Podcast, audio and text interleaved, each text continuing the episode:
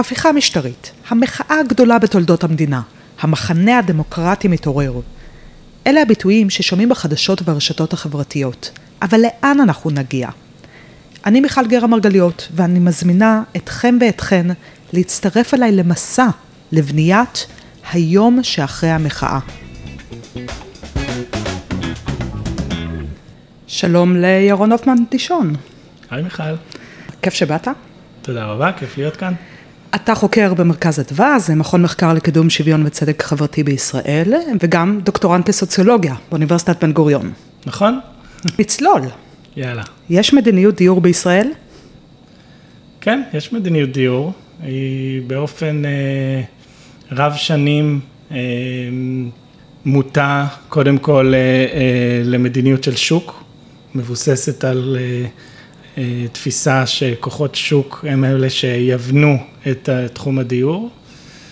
וכתוצאה מכך, לכל הפחות בשנים, או כמה, 20-30 שנה האחרונות, בעצם קשורה גם בהתרחבות אי השוויון בישראל, אה, מאפשרת יותר לבעלי אמצעים להשיג קורת גג מאשר לאנשים שהם לא בעלי אמצעים, אה, ובעצמה מרחיבה את אי השוויון, מייצרת שכבה מצומצמת יותר שמחזיקה יותר ויותר נכסים, מה שהופך להיות פקטור ממש משמעותי בעצם בשימור והרחבה של אי השוויון בישראל. אז יש מדיניות, תמיד יש מדיניות, אבל יש הרבה מה לתקן בה. עוד לפני התיקון, אתה מדבר על כוחות שוק, אבל יש הרבה מאוד תוכניות ממשלתיות, הרבה מאוד שנים שעוסקות בדיור. אז, אז זה לא מדיניות, מה, מה זה התוכניות האלה? הן לא כוחות שוק לצורך העניין. טוב, אז כל, מה זה תוכניות אה, דיור? נגיד בשמונה, תשע שנים האחרונות, התוכנית המרכזית אה, שהייתה מחיר למשתכן, שהתוכנית שהוביל אה, משרד האוצר, הייתה תוכנית שברובה הייתה מבוססת על תפיסה מאוד צרה של מהו תפקיד המדינה בתחום הדיור. היא בעצם צמצמה את עצמה, ואולי נגיד עוד כמה מילים אחרי זה על מה היה קודם, כי זה יבהר את זה. צמצם, המדינה צמצמה את עצמה לתפקיד של בעצם מקצה קרקע אמ, ונשענת על בעצם פעילות של יזמי נדל"ן פרטיים אה, שירכשו את אה, מתחמי הקרקע ויבנו אה, דירות למגורים, כשבעצם מה שהמדינה עשתה שם זה איזושהי נכונות לוותר במידה מסוימת על הכנסות מקרקע, כלומר למכור את הקרקע במחיר הלא המקסימלי שהיא הייתה חשבה שהיא יכולה לעשות, תמורת איזושהי מחויבות להוזלה מסוימת אה, ממה שמכונה מחיר השוק. זה, זה בסופו של דבר הייתה המעורבות אה, של המדינה בתוכנית הזאת. גם, קודם כל, אז יש אה, שתי בעיות עיקריות בתוכנית הזו. א', שהיא לא הייתה כל כך גדולה, כלומר, אפילו תוכנית מחיר למשתכן, עם, כל, עם זה שזה תשומת הלב הממשלתית הייתה כל כולה לתוך זה, אז היה מדובר בכמה אלפי, עשרות אלפי אה, אה, דירות אה, שנבנו ולא משהו שיכול לתת מענה אה, רחב לכל האוכלוסייה בכל הארץ וכולי. אה, הבעיה יותר חמורה הייתה שבעצם בגלל המבנה של התוכנית שהוזיל דירות מאיזושהי, אה, אה, ממחיר השוק, אבל בכמה אחוזים, כן, בכמה, ב-20 אחוז, 30 אחוז, בתקופה שבה אה, מחירי הדיור עלו בכל כך הרבה, ביותר מ-100 אחוז, כן, הם יותר מהוכפלו בעשור וחצי האחרונים, אז בעצם ההנחה הזאת עשתה מעט מאוד אה, בשביל בוא נאמר לתת נגישות לקורת גג למי שלא היה להם קודם לכן את הנגישות הזאת, ובעצם נתנה איזושהי הוזלה אה, למי ש... פחות או יותר יכלו להרשות לעצמם גם ככה לרכוש את הדירה, וזה בעצם אפשר להם אולי באמת לרכוש אולי דירה יותר גדולה, אולי דירה במקום יותר מרכזי, אמ, אבל באופן כללי זה בפירוש תוכנית שנתנה מענה לאלה שגם ככה פחות או יותר יכלו אה, אה, לרכוש דירות, וזה מעמד הביניים הגבוה ומעלה. במקומות בפריפריה, אמ, אז אוקיי, אז שם, שהמחירים היו קצת יותר נמוכים, למרות שגם שם עלו במאות אחוזים, אה, ביותר, ביותר מפי שתיים, אה, אז, אז בסדר, אז שם אנשים אולי ממעמד ביניים בין, אה, יכלו לרכוש וזה נתן להם איזושהי אפשרות לעשות את זה, אבל כלומר עדיין מדובר בתוכנית ונחזור לרעיון המרכזי, כלומר שזו תוכנית שמבוססת על מעורבות מאוד מינורית של המדינה. בעיקר נכנס בה מעט מאוד כסף ישיר של הממשלה להשקעה בעצם בדיור ובהנגשה של דיור לכלל האוכלוסייה. ובעצם כמו שאמרתי, רוב המעורבות התקציבית הייתה דרך ויתור על הכנסות ולא דרך השקעה ישירה. כן. אז, אז זו התוכנית של מחיר המשתכן. רק להגיד כדוגמה, כן, אולי נרחיב על זה בהמשך, אבל להגיד כדוגמה מה זה אומר השקעה אה, אה, אחרת או יותר ישירה של, של המדינה, היה פה תקופה די ארוכה, אה, בשנות ה-70 וה-80 נגיד, שהמעורבות המרכזית של המדינה הייתה בעצם בסבסוד אשראי לרוכשים, המשכנתאות המסובסדות המפורסמות, שהרבה אנשים בתקופות האלה של סוף שנות ה-80, אפילו תחילת שנות ה-90, רכשו אה, דירה באמצעותן. בעצם המדינה שמה כסף באופן ישיר כדי לסבסד אשראי, לתת הנחות ואז בריבית, אה, בשביל בעצם לאפשר לאנשים אה, לרכוש דירה. היום למשל, המעורבות של המדינה בנושא הזה היא כמעט אפסית. כן. אמ, ובעבר גם המדינה בנתה בעצמה מאות אלפי דירות. אז בואו אנחנו הולכים אפילו עוד יותר אחורה. אה, בעצם, אם, אם הולכים ממש, כן, לשנים הראשונות של המדינה, בשנות ה-50, 60, עד אמצע ככה שנות ה-70, אה, אז באמת המעורבות של המדינה הייתה אה, טוטאלית, כן? כלומר, המדינה היא זאת שבנתה בשנים האלה, בסוף שנות ה-50, 60, את רוב הדירות במדינה, הקימה ערים, כן, הקימה את עיירות הפיתוח, אה, בנתה שיכונים שלמים אה, באמצעות בעצם השקעה ישירה של המדינה, זה בעצם הדיור הציבורי שנבנה והשאריות ממנו נשארו עד היום. כן. אז כן, אז זאת למשל דרך שבה המדינה הייתה מעורבת באופן ישיר. וגם בשנות התשעים, העלייה מברית המועצות לשעבר. שוב, אריאל שרון. נכון, אז באופן... הוציא את הבולדוזרים. נכון, אז בשנות התשעים הייתה בעצם איזושהי חזרה למעורבות קצת יותר ישירה של המדינה, מתוך הבנה שאחרת הכוחות השוק לא יקלטו בעצמם את, מיל, את מיליון העולים אה, מברית המועצות. צריך לומר שגם אז זה נעשה קצת אחרת, כלומר יותר על ידי איזשהו מתן ערבויות לקבלנים שיבנו כשהמדינה הבטיחה להם שמה שלא יימכר המדינה תקנה, אבל זה בפירוש היה איזושהי אה, חזרה זמנית אה, למדיניות יותר של מעורבות, אבל אה, מיד אחרי זה, כן, תוך כמה שנים חזרו לתת השקעה, למעורבות מאוד עקיפה. בחזרה רגע לתקופה הזאת של הבנייה של הדיור הציבורי הרחב, צריך לומר שישראל נסוגה ממנה די מהר ויותר מוקדם ממה שבדרך כלל נהוג לחשוב. כבר באמצע שנות ה-70 בעצם יש, מתחיל איזשהו שינוי ובעצם המדינה אז כמעט מפחיתה מאוד את היקף הבנייה, בעצם כשגלי העלייה הגדולים יורדים. אה, פוחתים, בעצם המדינה אה, אה, בונה הרבה פחות דירות חדשות ואז בעצם עוברים למדיניות הזאת שהזכרתי קודם, כן, של הסבסוד אשראי לרוכשים ולא להשקעה ישירה בבנייה. אז אם מסתכלים ככה בבריף, כן, על ה... על מה המדינה, איך המדינה ראתה את הדרך שלה למלא את חובתה, בוא נאמר, להבטחת דיור לאוכלוסייה, אז בשנים הראשונות בנייה ישירה, בנייה, בנייה ציבורית, דיור ציבורי, אחר כך מעבר לסבסוד אשראי אה, לרוכשים שכבר אז צריך לומר שזאת מדיניות שהיא יותר רלוונטית למעמד ביניים ופחות למי שלא יכולים לרכוש דירה, אבל בעצם אחרי סוף התקופה של העלייה מברית המועצות, כלומר מאמצע שנות התשעים ובעצם עד ימינו, אה, תקופה של השקעה מאוד מעטה בכל הכיוונים כאן, לא בבנייה ולא באשראי, תקופה של קיצוץ מאוד משמעותי בתקציבי משרד הבינוי והשיכון. אה, ובעצם תקופה שיש כאלה שאפילו קראו לה אה, התקופה ללא מדיניות דיור. אני חושב שגם אי מדיניות היא מדיניות ולכן ככה פתחתי את הדברים שלי, אבל כן זו תקופה שבה אפשר לאפיין שאין איזה תוכנית משמעותית שהמטרה שלה היא לאפשר קורת גג לאוכלוסייה, וגם כשאחרי, כן פורצת כאן המחאה ב-2011, תקופה שאפילו מעמד הביניים, כן, מגלה שהוא בעצם לא יכול, החלק שלו בעסקה במרכאות לא עובד, שלא יכולים, צעירי מעמד הביניים לא יכולים להבטיח לעצמם בעצם קורת גג יציבה. גם אז הצעדים שהמדינה עושה הם מאוד מינוריים, כלומר אין פה חזרה לאחת מהתוכניות הגדולות או לאחת מדרכי המעורבות המשמעותיות, אלא יש פה איזושהי נכונות לוויתור קצת על הכנסות, קצת אה, אה, ניסיון למשמע יזמי נדל"ן לבנות אה, אה, דירות יותר קטנות, קצת דירות, קצת דירות יותר זולות. צריך להגיד שגם התוכנית שלא יצאה לפועל, התוכנית של לפיד של מע"מ אפס, הייתה בדיוק מהסוג הזה, זה לוותר על הכנסות, על מע"מ בהקשר הנוכחי. נכון, זה בעצם אה, אה, אה, התפיסה של המדינה עכשיו, אומרת, אוקיי, אז כוחות השוק יבנו את הדירות.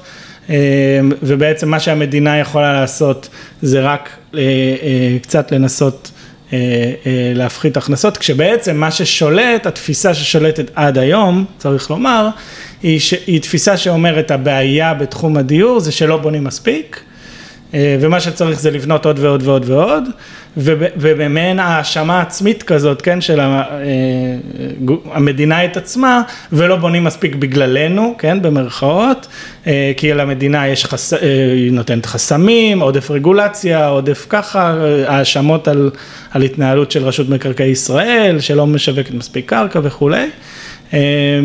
וזה כל הזמן ממשיך להיות המנטרה, כן? הבעיה בתחום הדיור שלא בונים מספיק, לא בונים מספיק כי המדינה עושה משהו כדי להגביל את הכמות.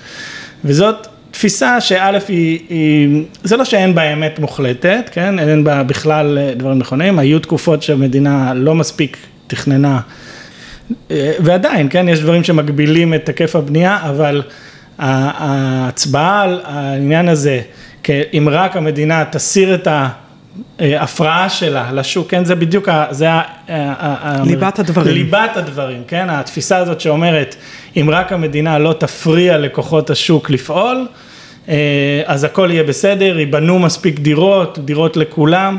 שזו תפיסה שהיא מבחינתי היא אגדה, כן, על אה, כוחות השוק, כן, כן. שכביכול אם רק לא נפריע להם לפעול, אז אה, ייבנו דירות לכל האוכלוסייה, אה, כולם יוכלו לרכוש דירות בכל מקום, אה, שאם נשים את זה רגע ככה ממש נפרוט את זה לאיך בדיוק מדמיינים שזה יקרה, זה באמת מופרך, כן? כאילו, מה זה אומר? שיבנו אין סוף דירות בתל אביב, יש הרי גבול כמה אפשר לבנות, דירות הן לא רק, הן לא איזה דבר שתלוי באוויר ואנשים בסוף קונים אותם וכן, הם, הם חלק מ... ממה זה אומר לחיות במקום, כן, ביישוב, אז צריך שירותים חברתיים מסביב, ודירה זה גם תשתיות וכולי וכולי. צריך להגיד שבישראל יש את הפוטנציאל, כי יש בו מאפיין די ייחודי, שהקרקעות ברובן המוחלט הן בבעלות של המדינה, זאת אומרת, אם אנחנו מדברים על זה שביישובים ערביים יש הרבה מאוד קרקעות בבעלות פרטית והדבר הזה מפריע לפיתוח, זה לא המצב ברוב ישראל. נכון, הסיפור הזה של אה, קרקע בבעלות ציבורית, אה, זה באמת אחד הדברים שמבחינתי הם באמת דוגמה על התפיס, איך התפיסה הזאת של אה, מדינה כבעיה שולטת. כי באמת, אה, קודם כל צריך לומר, זה נכון שרוב המוחלט של הקרקעות בישראל הם בבעלות ציבורית, אה, הנתון הוא משהו כמו 93 אחוז, אבל אם מסתכלים על האזורים הבנויים, כן, על אזורים מתוכננים זה פחות, אבל זה עדיין באחוזים מאוד מאוד גבוהים, מדובר על, נגיד, באזורי הערים, משהו כמו 50 אחוז, אבל זה עדיין היקף אה, מאוד משמעותי. אמ, ובמקום לראות בזה אפשרות, כן, במקום לראות בזה משהו של אוקיי, המדינה מחזיקה את הקרקע בבעלותה, היא גם מחזיקה את ה... בעצם אה, כריבון את הסמכויות אה, אמ, שלה בתכנון, במתן זכויות בנייה, כן, אמ, אז במקום להשתמש בשני הכלים העצומים האלה, כן, וכמובן בתור גוף שמחזיק את המשאבים הציבוריים, תקציב וכולי, במקום להשתמש ב, ב, ב, בכל הדברים האלה בשביל בעצם לייצר אה, אה, דיור אה, או אפשר נגישות לדיור ראוי, יציב לכל האוכלוסייה, המדינה רואה בעצם בעובדה שהיא מחזיקה את הקרקע כאילו בתור בעיה, שוב חוזר לנושא הזה של לראות במדינה כבעיה, אה, וההאשמה הזאת של בגלל שהמדינה מחזיקה את הקרקע אז היא כאילו מונופול, ומונופול הוא פועל לא לרווחת הציבור וכולי. זה פשוט דבר מופרך, כן? אני אתן דוגמה ככה ממדינות אחרות. במדינות אחרות שמנסות ככה ל- ל- להתמודד עם אותן בעיות, למשל בערים הגדולות, במטרופולינים של אירופה, אז גם שם הרשויות הציבוריות מחזיקות נגיד את עניין התכנון אצלם, שזה במובן הזה דומה, אבל אחד האתגרים המרכזיים שהם מתמודדים איתם, עם זה שהקרקע היא פרטית. כן. ובסוף, גם עם עירייה למשל, ניקח עיריית וינה, עיריית פריז, עיריות באירופה, רוצות לייצר בעצם מתחמי דיור. שמיועדים למעמד ביניים נמוך, לשכבות חלשות, דיור ציבורי וכולי, הן עדיין צריכות להשיג לעצמן קרקע ולרכוש אותה מאיפשהו, וזה תמיד אתגר, מה שהיה יכול להיחסך בישראל, כלומר להשתמש במשאב המשמעותי ביותר, המשאב שנמצא במחסור, מה זה מחסור? הוא משאב שמוגבל מעצם הגדרתו. שזה הקרקע. שזה הקרקע. בעצם בשביל להגיד, אנחנו נשתמש בדבר, במשאב הזה בשביל לאפשר לכל שכבות הציבור נגישות לקורת גג, בעצם מסתכלים על זה שוב כבעיה, מוכרים קרקע ליזמים וכאילו בתקווה שהם יצילו את עצמנו ויעשו את מה שצריך כביכול. כן, ספוילר, הם לא. בוא נדבר רגע על הדיור הציבורי בישראל. מה מצבו? בחירה, זה במילה, בשתי מילים. אז הזכרנו קודם שבעצם הדיור הציבורי בישראל נבנה בשנים הראשונות של המדינה, בעצם בשנים האלה, שנות ה-60 בעיקר ותחילת שנות ה-70, נבנו מאות אלפי יחידות דיור, בעיקר בפריפריה, בעיירות הפיתוח, צריך לומר, כמובן המטרה המרכזית שלהם הייתה קליטת העלייה, כן, יישוב האוכלוסייה היהודית בישראל, בעיקר באזורי הספר, כמובן זה קשור היה גם לנושאים האלה של תפיסת הקרקע, ייהוד המרחב, כן, כל הדברים האלה. וצריך להגיד, למשל העובדה שדיור ציבורי מלכתחילה יועד לאוכלוסייה יהודית מתוך מטרות לאומיות משפיעה עד היום, כן, עד היום כמעט ואין דיור ציבורי עבור האוכלוסייה הערבית, ביישובים ערביים אין בכלל, בערים מעורבות יש מעט וגם הוא פונה בשיעור נמוך לאוכלוסייה ערבית, אז זה ככה כן איזשהו מאפיין מאוד בולט של דיור ציבורי גם עד היום. ועוד מאפיין שלו שמשפיע עד היום זה שהוא נבנה מתוך תפיסה, כמו שאמרנו, ליישוב המדינה באזורי הספר שלה. והוא לא נבנה מתוך מטרה לאפשר נגישות של מעמד הפועלים, מעמד נמוך, מעמד ביניים, לדיור במרכזי הערים. בניגוד למה שבעצם ההיסטוריה של דיור ציבורי, בעיקר באירופה, וגם, במדינ... וגם במקומות אחרים, אפילו בארצות הברית. כלומר, המטרה של ה-public housing ברוב מדינות העולם, היא בעצם מתפיסה של אם לא יהיה דיור מחוץ לשוק, במחירים יותר זולים, שלא אה, תלויים בעליית המחירי נדל"ן והספקולציות הנדל"ניות וכולי, אז יהיו שכבות משמעותיות באוכלוסייה שפשוט לא יוכלו להרשות לעצמם לגור בעיר, וזה חוץ מזה שזה יפגע באותן שכבות ובאפשרויות שלהם, זה יפגע בערים עצמן, כן. עד לרמה של לא יהיו אנשים שיעבדו במשרות בשכר הנמוך, כן, זה בעצם הסיבה שיש public housing בארצות הברית, בסופו של דבר. שיהיה חוטבי עצים ושואבי מים. נכון, נכון. אז זה לא דוגמה טובה להסתכל עליה ככה בתור המוטיבציה, אבל, אבל צריך להגיד שבישראל אפילו זה לא היה. כלומר, בישראל המוטיבציה הייתה אחרת, של קליטת עלייה, יישוב הספר, ולכן הדיור הציבורי נבנה דווקא במקומות שהם מרוחקים מהערים, מרוחקים ממוקדי תעסוקה.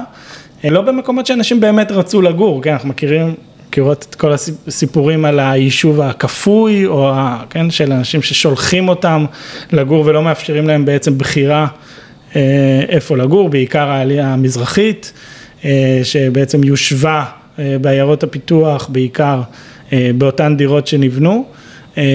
אז זה ככה ההיסטוריה. כן, וכמובן יש דיור ציבורי גם במרכז, בירושלים, תל אביב יפו, חולון, זאת אומרת, זה, זה לא ערים שהם לגמרי נטולי דיור ציבורי. נכון, נבנו גם בערים הגדולות, בשיעורים יותר נמוכים, אבל גם במה שאפשר לכנות השכונות הדרומיות של אותן כן. ערים.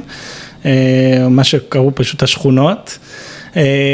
אבל לצורך העניין מבחינה מספרית, אז עד היום, בירת הדיור הציבורי מבחינת מספר זה באר שבע, כן, בה נבנו, רוב העיר נבנתה כדיור ציבורי וגם היום יש בה הכי הרבה דירות של דיור ציבורי, ואם מסתכלים מבחינת אחוז, היום, אז העיר שהאחוז ממנה, כן, של הדירות הקיימות של דיור ציבורי זה דימונה, עם 20 ומשהו אחוז מכלל הדירות בעיר שהם עד היום דיור ציבורי.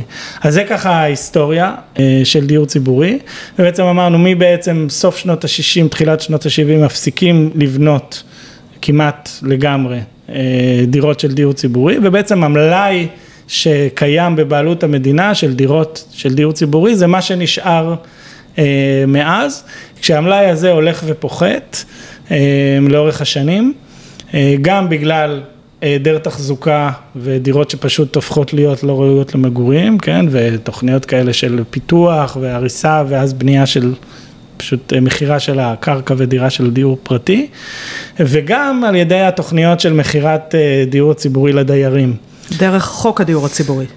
לפניו, זו נקודה טובה שאולי נתעכב עליה כי זה נושא ככה מאוד אקטואלי.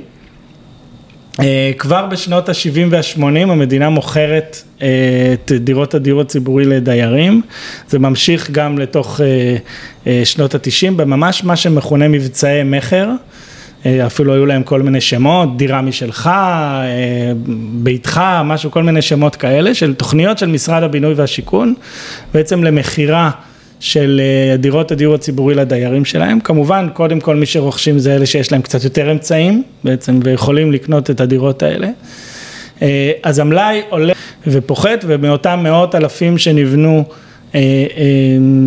לאורך השנים בשנות ה-60, כלומר שנות ה-60-70, אז כבר מגיעים בסוף שנות ה-90 לכבר משהו כמו 100 אלף דירות בכל המדינה. אז באמת הסיפור, הנקודה הזאת של חוק המכר, החוק הדיור הציבורי שיזם אז חבר הכנסת רן כהן ונמצא עכשיו על הפרק כדיון שמתרחש ממש בימים האלה בכנסת. הוא בוטל. נכון, אז, אז אני רגע אספר זה, כי יש באמת הרבה דיסאינפורמציה היום שמתנהלת כלפי החוק הזה. אז קודם כל אמרתי שרוב המכר, אפילו מבחינה מספרית, התנהל לפני שהחוק הזה חוקק. פשוט הדירות נמכרו במבצעי מכר, כן, לא תחת חוק, אלא פשוט במבצעי מכר של משרד הבינוי והשיכון, והדירות נמכרו לדיירים, וזהו, והכסף נכנס לקופת המדינה ונעלם, כן, לשיקוליו של משרד האוצר. מה לעשות עם הכסף. בעצם בחוק הדיור הציבורי אז שקודם, או מה שמכונה חוק הדיור הציבורי זכויות רכישה, אמר אם כבר מוכרים את הדירות, אז א', שזה יהיה זכות מוקנית לדיירים ולא נתון לשיקול הדעת, כן, המשתנה והשרירותי של משרד הבינוי והשיכון, וב', שהכסף שנכנס ישמש לבנייה של דיור ציבורי חדש. זה בעצם היה שני המרכיבים המרכזיים של חוק הדיור הציבורי, מה שמכונה, כן, ש, שחוקק בתשעים, בסוף ב-98, ולא עצם העובדה שמכרו את הדירות, כי צריך לומר, ישראל התחילה למכור את הדירות שלה של הדיור הציבורי הרבה קודם, והקדימה בזה אפילו את בריטניה, שבה המדיניות של מכירת דיור ציבורי של ממשלת בריטניה לדיירים, מה שכונה אז וגם עד היום ה-right to buy, אחת מהנקודות מדיניות המרכזיות של מרגרט תאצ'ר, כן, הסיפור הזה של הפרטה של הדיור הציבורי ולהיפטר מהמלאי ולהפוך דיירי דיור ציבורי לבעלי דירות, תפיסה של מה שהיום אנחנו קוראים לו ניאו-ליברליזם או מדיניות תאצ'ריסטית שנבעה גם מהנקודה שאותו דבר, כן מה שדיברנו בהתחלה, שמדינה לא אמורה להחזיק נכסים, לא אמורה להיות מעורבת בשוק ולא בשוק הדיור מצד אחד, מצד שני תפיסה שאומרת שבעלי דירות הם בהגדרה שלהם אוכלוסייה שמרנית יותר, שפחות רוצה שינויים, בכל... זעזועים בכלכלה, יותר, כן יש לה אינטרס של, שהכלכלה תהיה יציבה והערך הנכסים יגדל, כן, ואנשי המפלגה השמרנית של תאצ'ר ממש אפילו ראו שבמקומות שבהם מכרו יותר דירות של דיור ציבורי, הצביעו יותר למפלגה השמרנית. כלומר, במובן הזה זה היה אפילו אינטרס פוליטי ישיר, כן? מדהים. של אלקטורלי. אה, אז זה בריטניה. ישראל אפילו הקדימה את, ה, את המגמה הזאת ובעצם התחילה למכור את רוב הדירות הדיור, של, הדיור הציבורי שלה עוד קודם לכן, לפני תאצ'ר. ואז באמת בסוף שנות התשעים מגיע החוק הזה שמנסה כאילו רק להסדיר את זה, כן, להגיד אם כבר מוכרים אז בואו נשתמש בכסף לבנות דיור ציבורי חדש ובואו ניתן את זה גם כזכות מוקנית לדיירים. וגם לקבוע את היקף ההנחה. אה, וגם לקבוע, כן, בעצם להסדיר את זה, כן, שזה לא יהיה שרירותי ולא יהיה... אה, משרד האוצר לא אהב את הרעיון הזה, אה, ובעצם החוק הזה נדחה בחוק ההסדרים שנה אחרי שנה, ורק להראות כמה בעייתיות של החוק הזה עצמו, כן, הוא מאפשר למשרד האוצר ולממשלה לבטל, כן, פעילות בכנסת, ואז בעצם מכל מיני סיבות, קוניונקטורות אה, אה, פוליטיות כמעט מקריות, בעצם ב-2013 מבטלים את ההקפאה של החוק, הרבה גם בזכות מאבק שמתנהל סביב זה, ובעצם מתחילים לאפשר בחזרה את המכירה של הדירות, אבל גם אז מה שהממשלה עושה זה מממשת רק צד אחד של החוק, בעצם מוכרת אה, דירות, אבל לא באמת שומרת כסף אה, אה, לקנייה מחודשת, וגם כשיש את הקרן הזאת שאוספים, אז לא משתמשים בה למספיק הרחבה של הדיור הציבורי, למה? אחת הסיבות זה שכבר לא באמת רוצים לבנות דירות של דיור ציבורי, אומרים נשתמש בכסף כדי לקנות דירות, מה זה אומר לקנות דירות? המדינה מסתובבת כאילו בשוק היד השנייה של ישראל ומנסה למצוא דירות אה, יד שנייה לקנייה, כן, שזה הרבה יותר יקר ממה שמדינה יכולה לעשות, כן, ולהשתמש במשאבים שלה, מה שדיברנו קודם, קרקע, תכנון, תקציב כדי לבנות דירות, כן? זאת אומרת אין שום אה, ניצול של היתרונות היחסיים שלה, זה רק ללכת למקומות שבו המדינה היא הכי פחות טובה בהם, המדינה היא לא השחקן שרץ הכי מהר.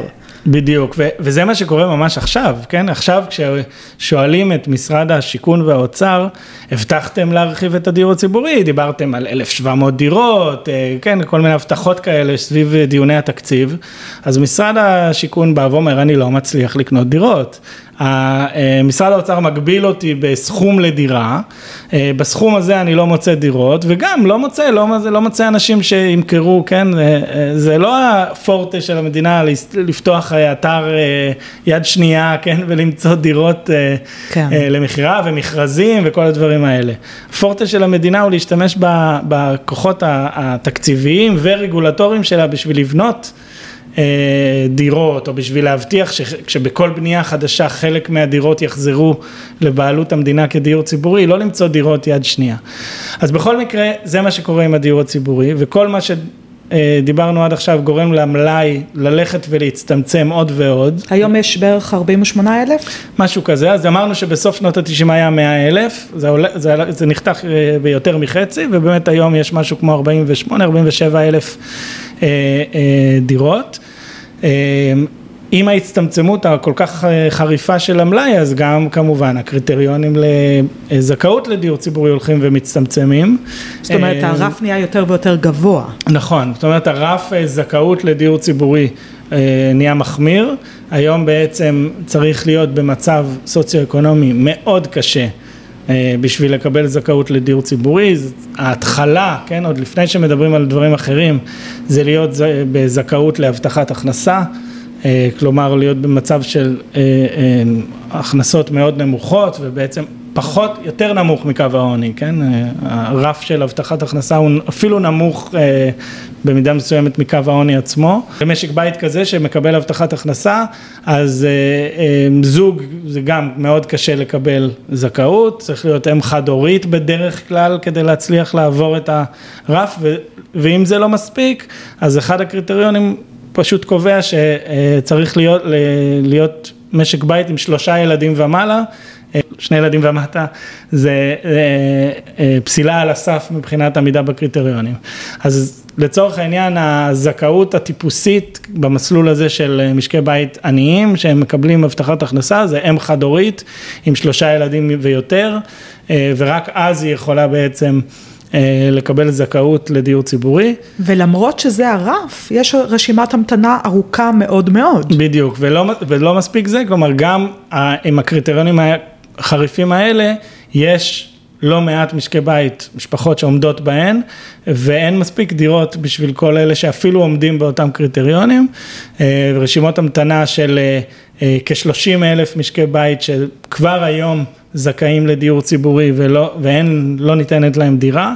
זה מחולק על פי זכאות, כן, חלק מהעניין זה שכל התחום הזה של הדיור הציבורי מאוד מבולגן, אה, לא מוסדר בצורה ברורה, כן, על ידי איזה חוק מסודר שקובע את הדברים האלה, אלא נהלים ו- ומדיניות בין משרדים שונים, בין משרד השיכון, משרד הקליטה, אז בעצם יש רשימת המתנה של משרד השיכון שמונה כשלושת אלפים משקי בית, רשימת המתנה של משרד הקליטה שמונה עוד איזה עשרים ושבע אלף, אה, אז ביחד משהו כמו 30 אלף משפחות שכבר היום עומדות בקריטריונים אה, ואין להם בעצם...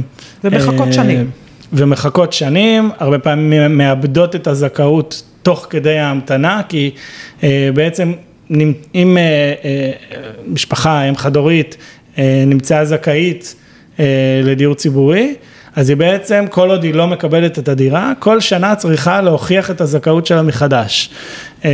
וזה לצורך העניין אומר שהיא צריכה להראות שהיא עדיין אם חד הורית, כן?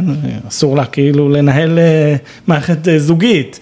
אה, היא צריכה להראות שהילדים שלה עדיין עם שלושה ילדים מתחת לגיל 18, מספיק שילד אחד יהיה... בחוצפתו אה, גדל. בחוצפתו גדל, אז היא תאבד את הזכאות, וכמובן מדהים. גם עניין ההכנסה. מספיק שההכנסה שלה תעלה אפילו קצת מעל אותו רף, אז היא תאבד את הזכאות. אז התקופה הזאת של... זאת אומרת, יש מערכת תמריצים כושלת ביותר. התקופה הזאת של המתנה של דיור ציבורי היא ממש מלכודת עוני, כלומר מי שנמצא ב, ב, בתוך המצב הזה נאלץ לשמור על, אה, על רמת חיים נמוכה מאוד ועל תנאים מאוד קשים כדי להישאר עם הסיכוי בעצם להבטיח קורת גג אה, לעצמו ול, ול, ולילדים בהמשך. כן. אה, כן, מצב מזעזע. בוא, בוא ננסה רגע לדמיין. במאה ה-21, איך צריכה להיראות אה, מדיניות הדיור של מדינת ישראל? מדיניות דיור מיטבית.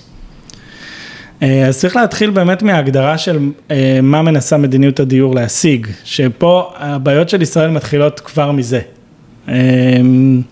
ואני אסביר למה אני מתכוון. מדיניות דיור, בעולם מדברים על ביטוי שנקרא Housing for All, שתרגמנו את זה במרכז אדווה, כאילו באופן ברור, לדיור לכל. המטרה שלו היא בעצם להגיד לכל האנשים במדינה, כן, לכל משקי הבית וכל ה... ותושבות ותושבי המדינה יש זכות אה, לקורת גג יציבה מתוך תפיסה שקורת גג זה לא משאב, זה לא נכס להשקעה, זה לא סחורה נדל"נית, זה קודם כל צורך אנושי, כן, ולתפוס אה, דיור כמו שאנחנו אה, תופסים שירותים חברתיים אחרים, בריאות, ציבור, בריאות, חינוך, כן, שאנחנו רואות ורואים בזה כאיזשהו צורך אה, אה, אנושי שיש לנו חובה כחברה וכמדינה לספק אותו באופן כמה שיותר שוויוני אה, לכל האנשים, לכל תושבי המדינה. אז גם דיור, יש מקומות שנתפס ככה, כן, בתור חובה חברתית ומדינתית. ואז כשאומרים, אוקיי, נבטיח דיור לכולם. אה, גם פה יש, אה, זה משנה איזה סוג של דיור. אז דירה היא לא רק אה, הגודל שלה, כן, וה, והאיכות שלה, היא גם בעצם המיקום שלה, מן הסתם. אז תפיסה של דיור לכל בעצם מתייחסת לכך ואומרת, אנחנו כחברה ומדינה לא רק רוצים להבטיח שבעצם לאנשים יהיה איזשהו קורת גג לחיות בה, אלא גם התייחסות לאיפה היא תהיה. אה, וכאן יש ממש שאלה, כן? אה, אני למשל חושב שהיום אנחנו חיים במציאות, זה, ולא רק בישראל, כן? בעולם הקפיטליסטי שלנו, שיש קשר מאוד הדוק בין המצב הכלכלי, המעמד הכלכלי של האנשים, לבעצם אה, איזה דירה הם גרים בה ואיפה היא נמצאת. כן? עד כדי כך שזה נראה לנו ממש מובן מאליו. כן. שמקומות שאנחנו מכונים אזורים עשירים גרים בהם עשירים, וכן בערים עניות או שכונות עניות גרים אנשים עניים.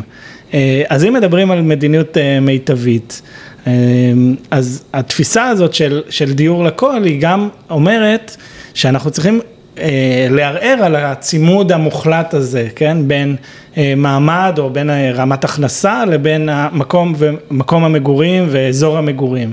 גם בגלל שיש איזה קשר לשירותים חברתיים נוספים, כמו למשל חינוך. נכון, זה, זה כן, זה הסיפור, הרי מה זה אזורים עניים? זה אזורים שגם השירותים החברתיים בהם עניים.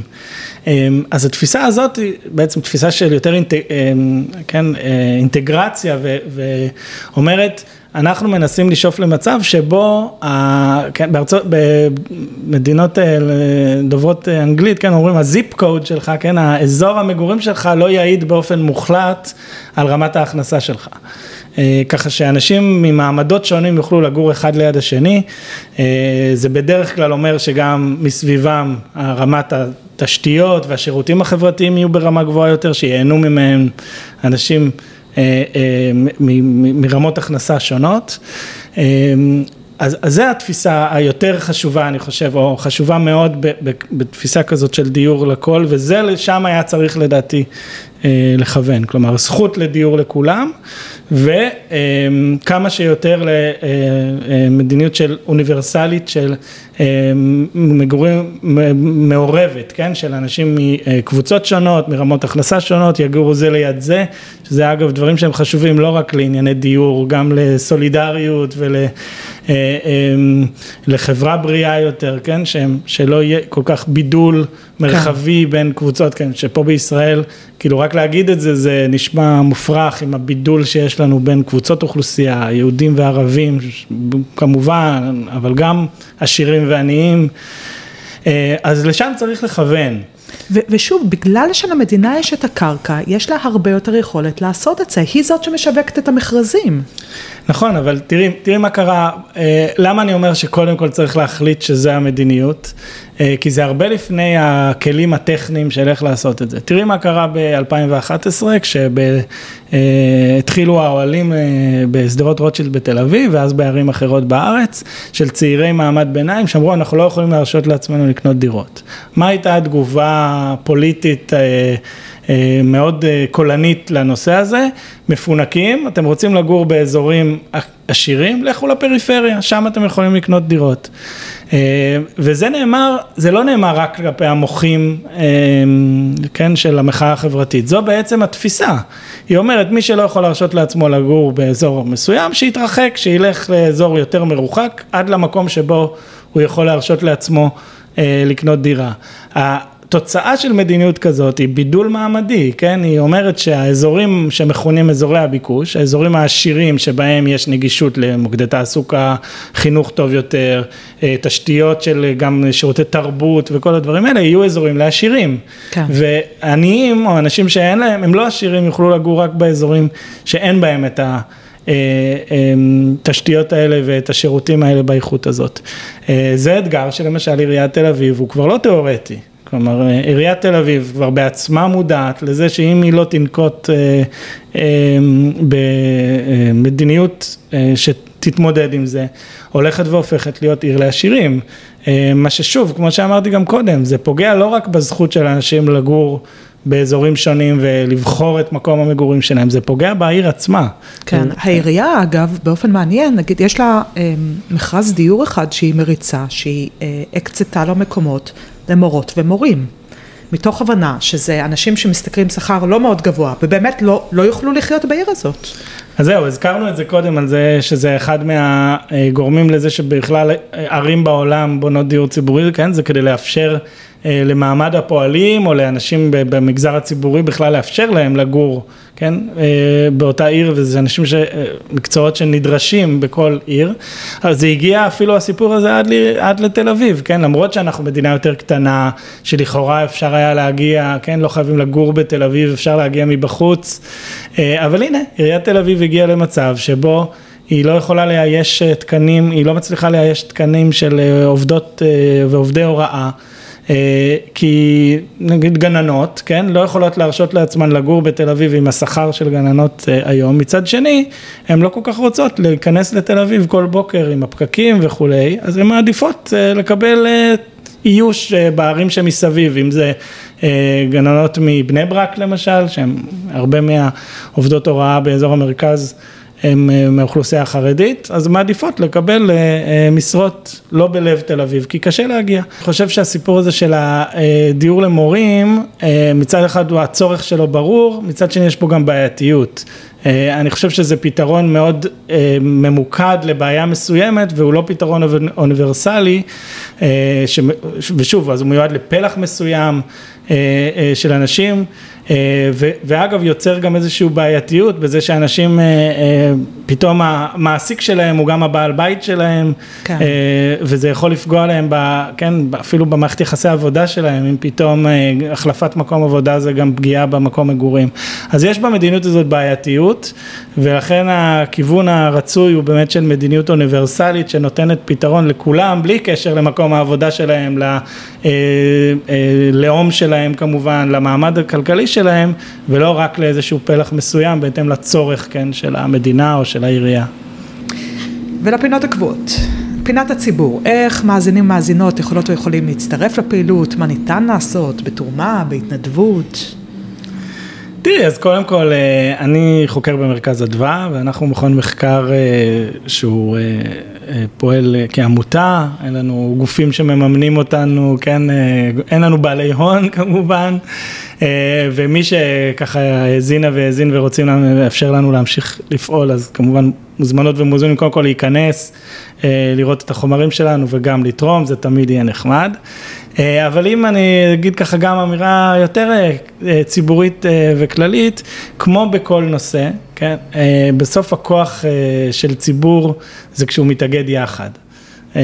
כמו בתחום של עבודה, כמו, כמו בתחום של כל תחום פוליטי אחר. גם בתחום הדיור, הכוח של ציבור לשנות דברים יהיה דרך התאגדות יחד. ופה יש לנו עוד הרבה עבודה בישראל לעשות, כי אפילו התפיסה הזאת של התאגדות של שוכרי דירות, אנשים שרוצים להגיע ל, ל, אה, לרכוש דירות, דיירי דיור ציבורי, זה פשוט מוסדות שלא קיימים בישראל. כן, יש אה, מוסדות קפיטליסטים, קבוצת רכישה. נכון, זה יש, אפילו התשתית, כן, כאילו אם בתחום העבודה אנחנו מכירים אה, חוקים שמאפשרים להתאגדות עובדים, אז אין לנו אפילו את התשתית החוקית והתפיסתית של מה זה אומר להתאגד יחד כאנשים ששוכרי דירות, דיירי דיור ציבורי, אז אחד מהדברים שאני חושב שכדאי מאוד שככה בשנים הקרובות נצליח לפצח אותם אה, בישראל, מה שאגב במדינות אחרות קיים, איגודי דיירים, אה, ועדי דיירים, זה ללכת בכיוון הזה. אה, של להתאגד יחד ולדרוש בעצם את הכוח המשותף שלנו גם אל מול המדינה, גם אל מול בעלי דירות, כן, ולשנות בעצם את האופן שתחום הדיור מתנהל בו יחד ולא כל אחד לבד רוכש, שוכר, דייר דיור ציבורי לבד. כן. והשאלון, תשובות קצרות על שאלות קצרות. מה המוטו שלך לחיים? ב, אני, אני חושב שאין לי מוטו, אבל בעמוד הפייסבוק שלי אה, כתבתי אין אדם שהוא אי, על בסיס כמובן השיר המפורסם, אה, הישן. אין אדם שהוא אי, אנחנו חלק מחברה וכמו אה, שאמרתי אולי גם קודם, הבעיות שלנו הן משותפות וגם הפתרונות אה, שלנו יגיעו בפעולה משותפת. מה ההישג בפעילות הציבורית שלך שאתה הכי גאה בו? טוב, אז אם נישאר בתחום שדיברנו עליו, בתחום של הדיור והעבודה במרכז אדווה, לתחום של הדיור, אני כן יכול ככה לזקוף, כמובן עבודה היא אף פעם לא לבד והיא תמיד נעשית בשיתוף, גם בתוך הצוות באדווה וגם עם שותפים מבחוץ, אנחנו בתוך מרכז אדווה שותפים מאוד לפורום דיור ציבורי ועובדים איתם יחד. אני כן יכול אה, לראות שבשנים האחרונות, מאז שהתחלנו לעסוק בנושא של מדיניות דיור אה, בישראל והצורך לייצר מדיניות ציבורית ופחות מוטת שוק. השפענו על השיח בישראל, לפחות של האנשים שפועלים בזירה נגיד השמאלית, כן, של מפלגות השמאל, ארגוני, ארגונים חברתיים, ואני חושב שהיום בניגוד ללפני עשר שנים זו תפיסה שהיא יותר רווחת, אה, ואני מאוד שמח על זה, ובאמת אם, ככל שיש לנו ולי חלק בזה, אז אני מאוד גאה בזה. מה הטעות או הפספוס בפעילות הציבורית שלך שאתה מצטער עליו? אני לא יודע אם זה טעות, בסדר? זה, זה אתגר. אה, אמ, איך לתרגם את הרעיונות המחקריים, עיוניים, תיאורטיים, אפשר לקרוא לזה, לפעולה, כן? אמ, זה אתגר מתמשך. לא הצלחנו עדיין לגמרי, כלומר, אם התשובה הקודמת שלי הייתה שהצלחנו להשפיע על השיח, אה, ועוד לא לגמרי על המציאות, אה, אז, אז יש עוד הרבה עבודה לעשות. אם נעשו טעויות ואפשר היה לעשות משהו אחר, אני חושב שזה דווקא אחרים צריכים לומר. כן. אם היית שר, איזה משרד ממשלתי היית, רוצה? טוב, זה כאילו קלאסי שאני אגיד משרד הבינוי והשיכון, אבל תכלס, אה, במדינה שלנו כיום, במבנה הפוליטי, כל המדיניות היא מרוכזת על ידי משרד האוצר. אז מי שיש לו תפיסות חברתיות כלכליות ורוצה לעצב באמת את המדיניות החברתית-כלכלית, צריך להיות או ראש ממשלה או שר אוצר. זה למרבה הצער, כן? אבל אני, אגב, לא כל כך מכוון לשם, אז זו יותר שאלה תיאורטית. נוח לי במקום שאני נמצא בו ובסוג הפעילות שאני נמצא בו בחברה האזרחית. אמ, אז זו יותר אמירה כלפי ששם נמצאים כיום מוקדי קבלת ההחלטות ולשם צריכים להיות מכוונים גם הדרישות שלנו והמאבק שלנו. שאלה אחרונה, האם אתה פמיניסט? בוודאי. אה, תראי, יש איזשהו דיון שאני מאוד מכבד אה, בקרב נשים פמיניסטיות, האם גברים יכולים להיות פמיניסטים או תומכי פמיניזם.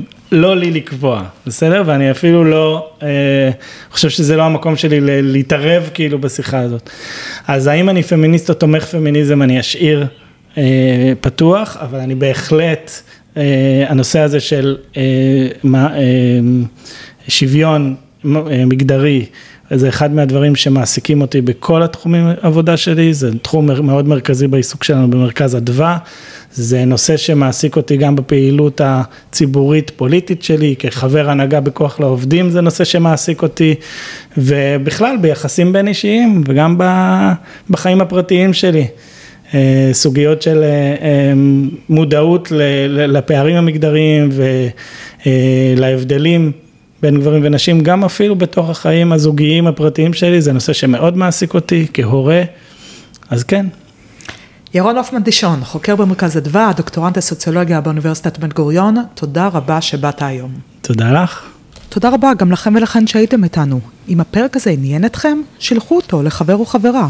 תירשמו לעדכונים באפליקציית הפודקאסטים החביבה עליכם, ותנו חמישה כוכבים לפודקאסט. זה יעזור מאוד.